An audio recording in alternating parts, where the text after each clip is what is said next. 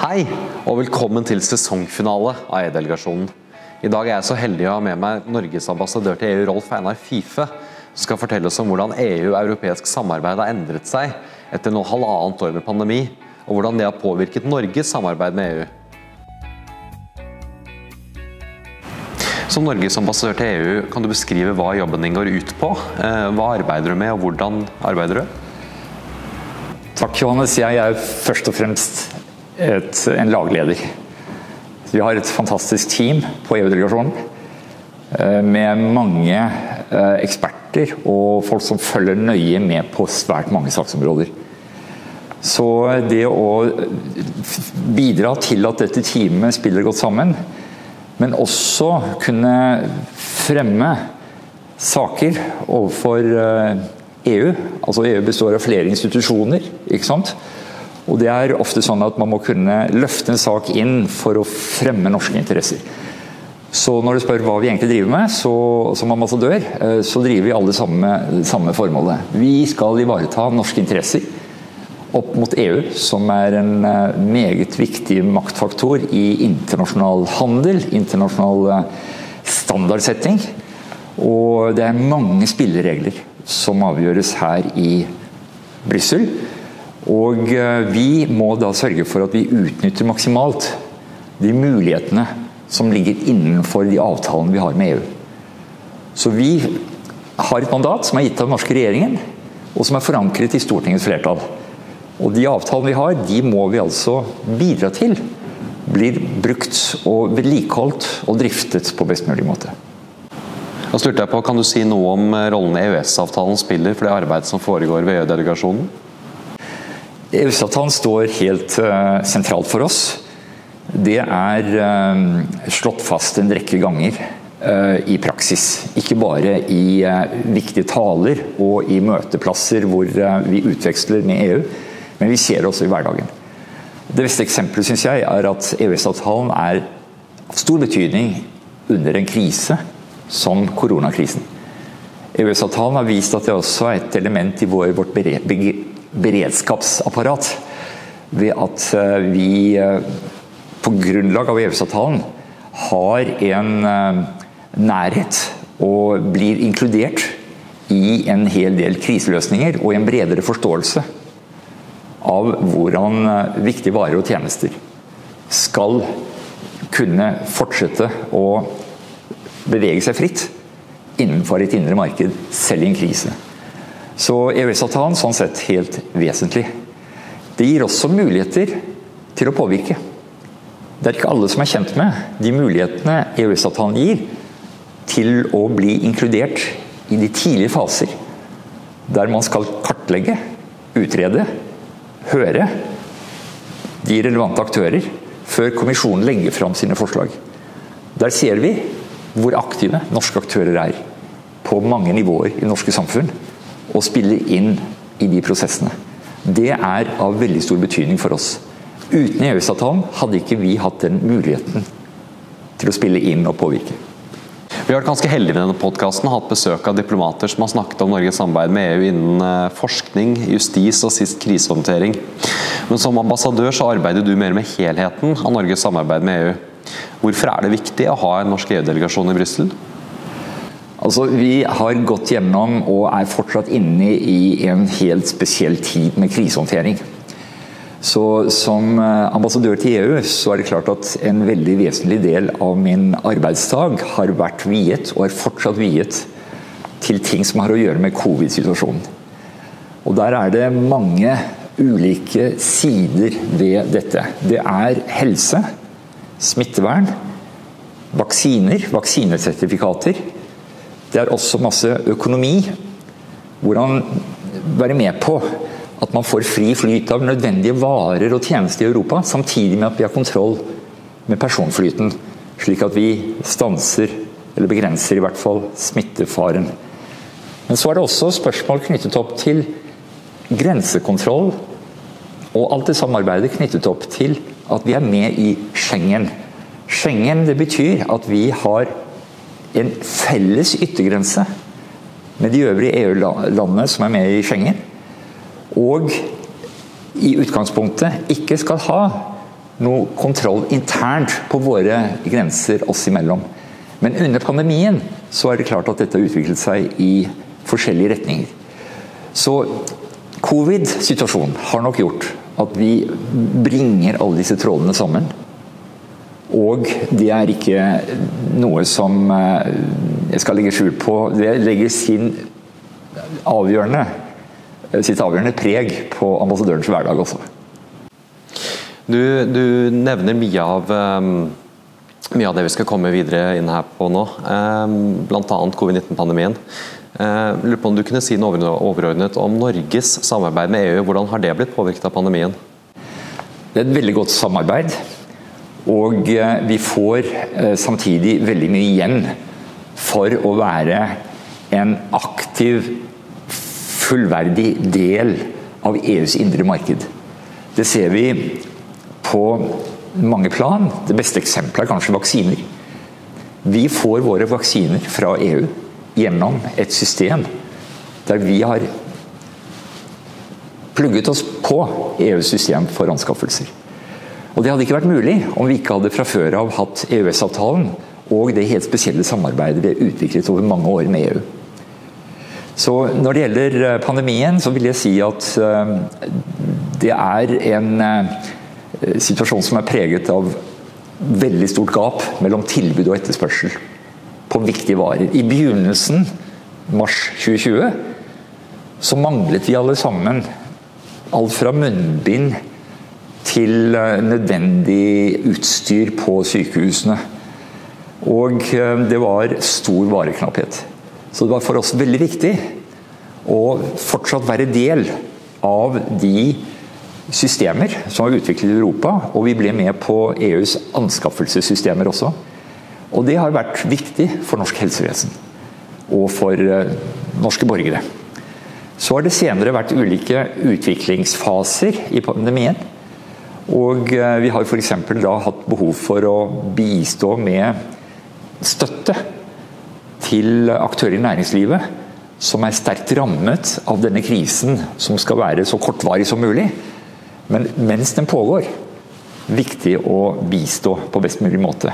Og det har krevd en veldig rask eh, samordning og tilpasning med hvordan reglene i EØS-avtalen eh, e blir praktisert. Og der, er, der har dette fungert på en god måte. Og Den seneste fasen nå er dette med vaksiner. Og Det er en stor diskusjon knyttet opp til det. Det seneste som er oppnådd, det er jo enighet om vaksinesertifikat. Det har skjedd på en eksemplarisk måte. Kommisjonen foreslo et regelverk 17.3 i år. Og i slutten av mai, altså knappe to måneder senere, så er altså alle aktørene i EU-systemet med oss med enige om hvordan dette vaksinesertifikatet skal eh, fungere. Det er et sertifikat som skal gi trygghet på at hvor du enn er i Europa, så skal du vite om du faktisk har vært vaksinert. Om du faktisk er blitt testet. Om du faktisk har opplevd sykdommen slik at du er blitt immun. Og hvis du ikke har trygghet på, og kan være sikker på at du kan legge disse fakta til grunn, så blir det veldig vanskelig for de ulike regjeringene i Europa å åpne grenser eller eh, legge til grunn disse opplysningene. Så dette sertifikatet, som blir da virksomt eh, rundt 1.7 for EU, og som Norge også utvikler på sin side, i samarbeid med EU, det er altså noe som er og vil være av avgjørende betydning for en normalisering etter hvert. Men det er fortsatt opp til de enkelte regjeringer å bestemme hvordan de skal bruke sertifikatet. Så det er også et viktig element å ta med seg. Og Hvordan har pandemien endret EU? EU har jo vært gjennom store endringer siden eh, pandemien traff oss alle i mars i fjor. Det som har skjedd, det er at man har blitt veldig mye mer klar over Jeg tror vi kan bruke et nøkkelord, et stikkord. Det er sårbarheter. Altså dette med at man er svært gjensidig avhengig, eller avhengig av andre land, når det gjelder nøkkelforsyninger, viktige innsatsfaktorer for å produsere eh, legemidler, men også skaffe vaksiner, f.eks. Det er noe som er blitt veldig tydelig. Denne, denne sårbarheten er veldig tydelig. Den melder seg også på en rekke andre felter. I en tid hvor det er blitt uh, litt mer uh, internasjonal usikkerhet rundt forsyninger på en del uh, nøkkelvarer som det er knapphet om. Interessant nok gjelder ikke dette bare helse og pandemi og covid. Det gjelder også i forhold til det store grønne skiftet. Vi skal redde planeten ved å begrense klimaendringene.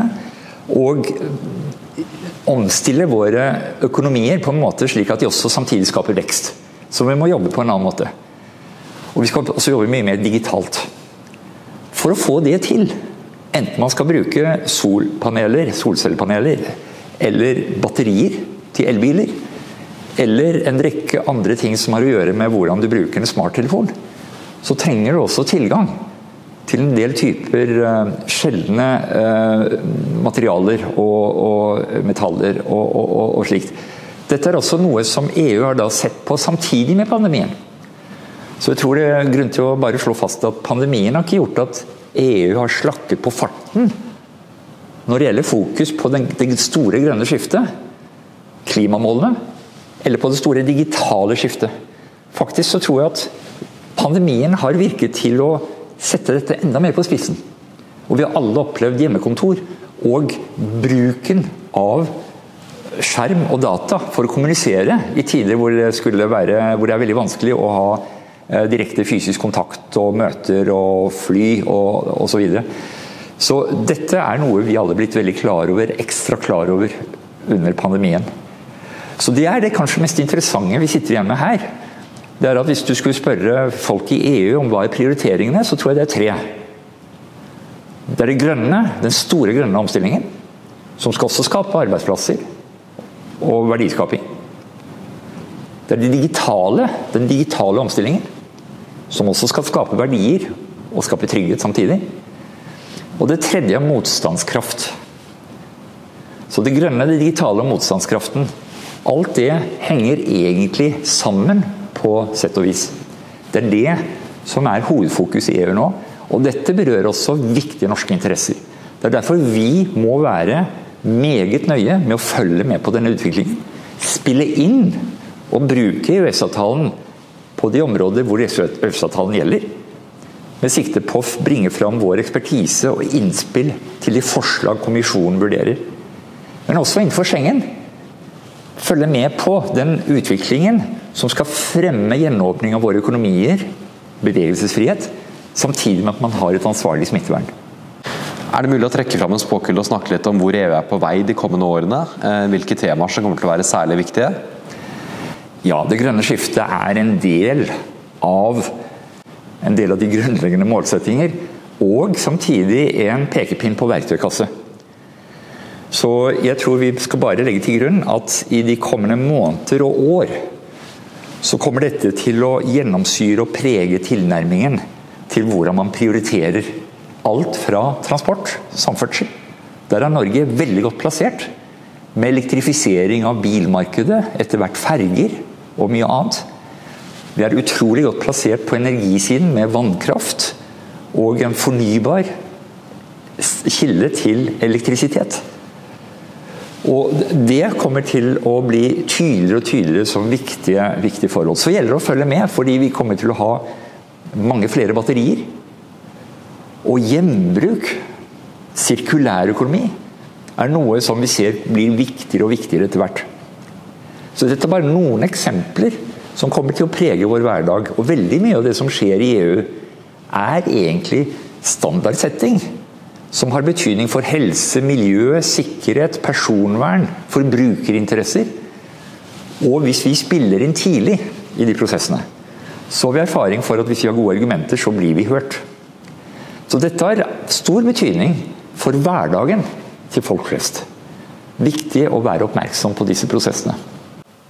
Hva skal til for at EU skal lykkes med det, med det grønne skiftet? Det er mange ting, men her er det en eh, en eh, pakkeløsning, kan man si. Det er både krav til ansvar. Her skal man levere på en del resultatmål. Men det er også en del uh, insentiver, altså støtte, for å bidra og hjelpe til omstilling. Og i det bildet der så er det veldig mye erfaringsoverføring. Jeg vil slå et slag her for at europeere flest, og ikke minst nordmenn, vi er svært avhengig av stadig oppdatering av kunnskap. Vi er kunnskapssamfunn. Det er der verdiskapingen ligger i veldig stor grad. Så det å bruke ny kunnskap og utvikle ny kunnskap, det er noe vi er sterkt med på gjennom bl.a. EUs programmer. Så hva skal til for at EU lykkes? EUs eget svar det er å være helt i bresjen på forståelsen av hvordan man utvikler ny kunnskap og hvordan du bruker den, nyttiggjør deg denne kunnskapen. Nye måter å jobbe på. Og det er ikke bare innafor eh, informatikk, datasystemer, skyutvikling, altså cloud, og mange slike eh, eksempler. Men det er egentlig måten, gjennom måten man jobber på mer generelt.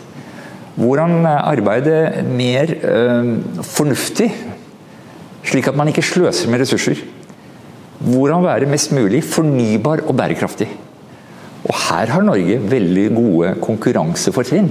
For vi har svært god erfaring med å sette disse verdiene i høysetet. Og Hva skal til for at Norge skal lykkes med våre mål i samarbeid med EU? Det er noe som det er opp til ikke bare norske myndigheter. Norske myndigheter er på. Marsjordrene for oss er tydelige. Vi skal følge med, vi skal spille inn, vi skal påvirke og søke å bli hørt. Eh, det er samtidig en oppgave for mange flere norske samfunn. Og vi vet at svært mange er tungt engasjert og drar veldig nytte av disse samarbeidsordningene vi har med EU. Det kan gjelde forskningsinstitusjoner. Det er mange jeg kunne nevnt. Jeg skal ikke nevne noen enkelt spesielt, men vi er ganske stolte av en rekke norske forsknings- og undervisningsinstitusjoner som har fullt ut forstått betydningen av forskningsprogrammet, altså horisontprogrammene, og en rekke andre eh, programmer som har å gjøre med f.eks. det digitale eh, og, og, og, andre eh, saksområder. Så er det noe for innovasjonskulturene i Norge. De næringsdrivende. De som skal utvikle nye løsninger, praktiske løsninger, gode løsninger. Og det er en god måte å tjene penger på. Skape arbeidsplasser det er altså å se mulighetene. For at Norge skal lykkes, så må altså norske foretak, og det er innenfor de fleste sektorer, se mulighetene, gripe tak i dem. Ta til seg nye ideer, men også se på i hvilken grad det å ha bærekraftige løsninger f.eks. gir en konkurransefordel. Det er på en måte en eh, form for eh, et kvalitetsstempel som eh, vi gjerne ser blir forbundet med norske aktører, norske produkter, norske tjenester.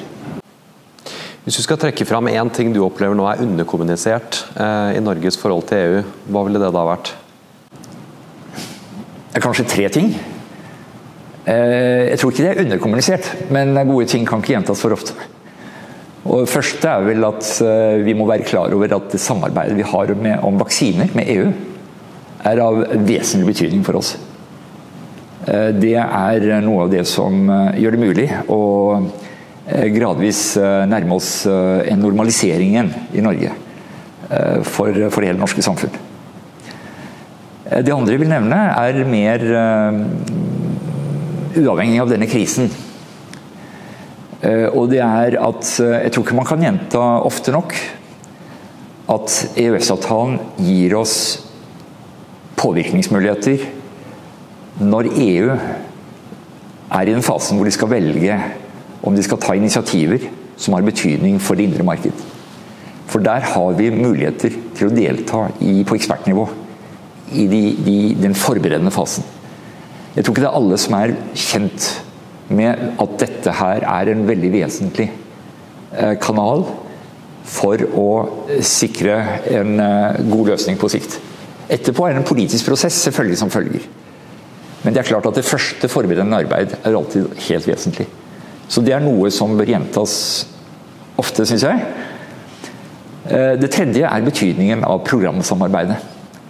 EØS-avtalen eh, e gir oss en eh, inngangsbillett til en rekke av EUs programmer, hvor vilkårene, forutsetningene for å delta, er gitt i EØS-avtalen. Vi må ikke forhandle fra bunnen av om vilkårene. Om finansiering og medbestemmelse og sånne ting. Det har stor betydning.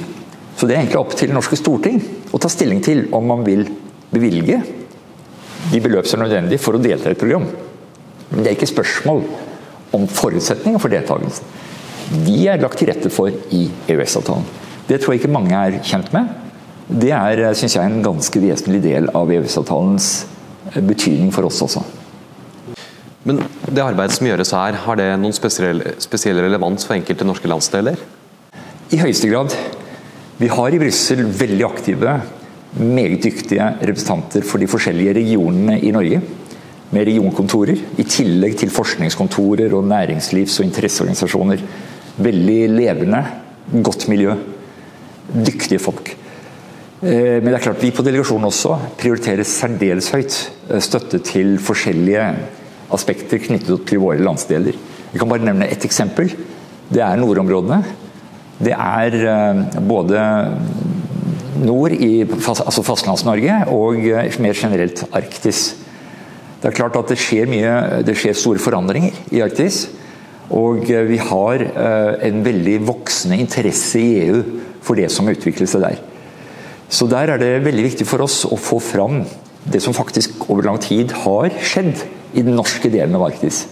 Kunnskap om det er helt vesentlig. Der ligger det også mange løsningsmodeller for håndtering av en del utfordringer. Og Der vil jeg nok si at det er ett eksempel på en spesiell type problemstillinger som vi kjenner igjen på mange fronter i det vi driver med. Så hensyn til våre landsdeler kommer opp i forbindelse med de forskjellige initiativer. Og Det er ofte slik at vi får innspill fra, eh, fra regionene våre i Norge og fra distriktene.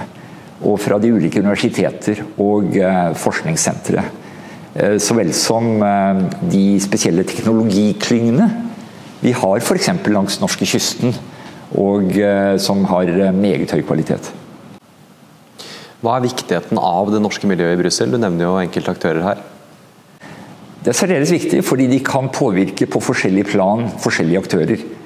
Eh, for det første er det mange som eh, har altså et tett samarbeid med tilsvarende interesseorganisasjoner eller kontorer fra andre land. Det gir både eh, en del innsyn og muligheter for å bygge allianser. Det er viktig. Det er ofte sånn at man har gode, saklige argumenter og interesser. Og man gjør hverandre sterke på den måten der. Så det er en viktig faktor. Eh, det er også slik at eh, man opp mot de ulike medlemmene av Europaparlamentet ser at det er eh, grupperinger som målbærer poenger og argumenter. Og Det er da viktig å sørge for å bidra til at de prosessene der opp mot Europaparlamentet, som gjerne Eh, foregår på vegne av bransjer som er mest berørt osv. At vi forstår verdien av det. Så mm, vi har altså altså inngåelse av såkalte allianser, rent formelt, eh, for å si det slik. Og det har vi. Vi har batteri, eh, altså muligheter innenfor en batteriallianse. Vi har ren, ren hydrogen som et annet eksempel. Og vi har øh, øh, viktige råmaterialer som er viktige i et både bærekrafts- og, og sårbarhetsperspektiv. Så her er det norsk kompetanse som jobber på tvers. og gjennom, ikke alene vår EU-delegasjon, men også i regi av de ulike norske representasjonene for øvrig i, i, i Brussel. Dette var siste episode av EU-delegasjonen for denne gang. Vi takker for følget så langt, og ser fram til nye samtaler om Norges samarbeid med EU til høsten. EU-delegasjonens podkast er produsert av Eva Mære, Marit Aspås og Johannes Gulbrandsen.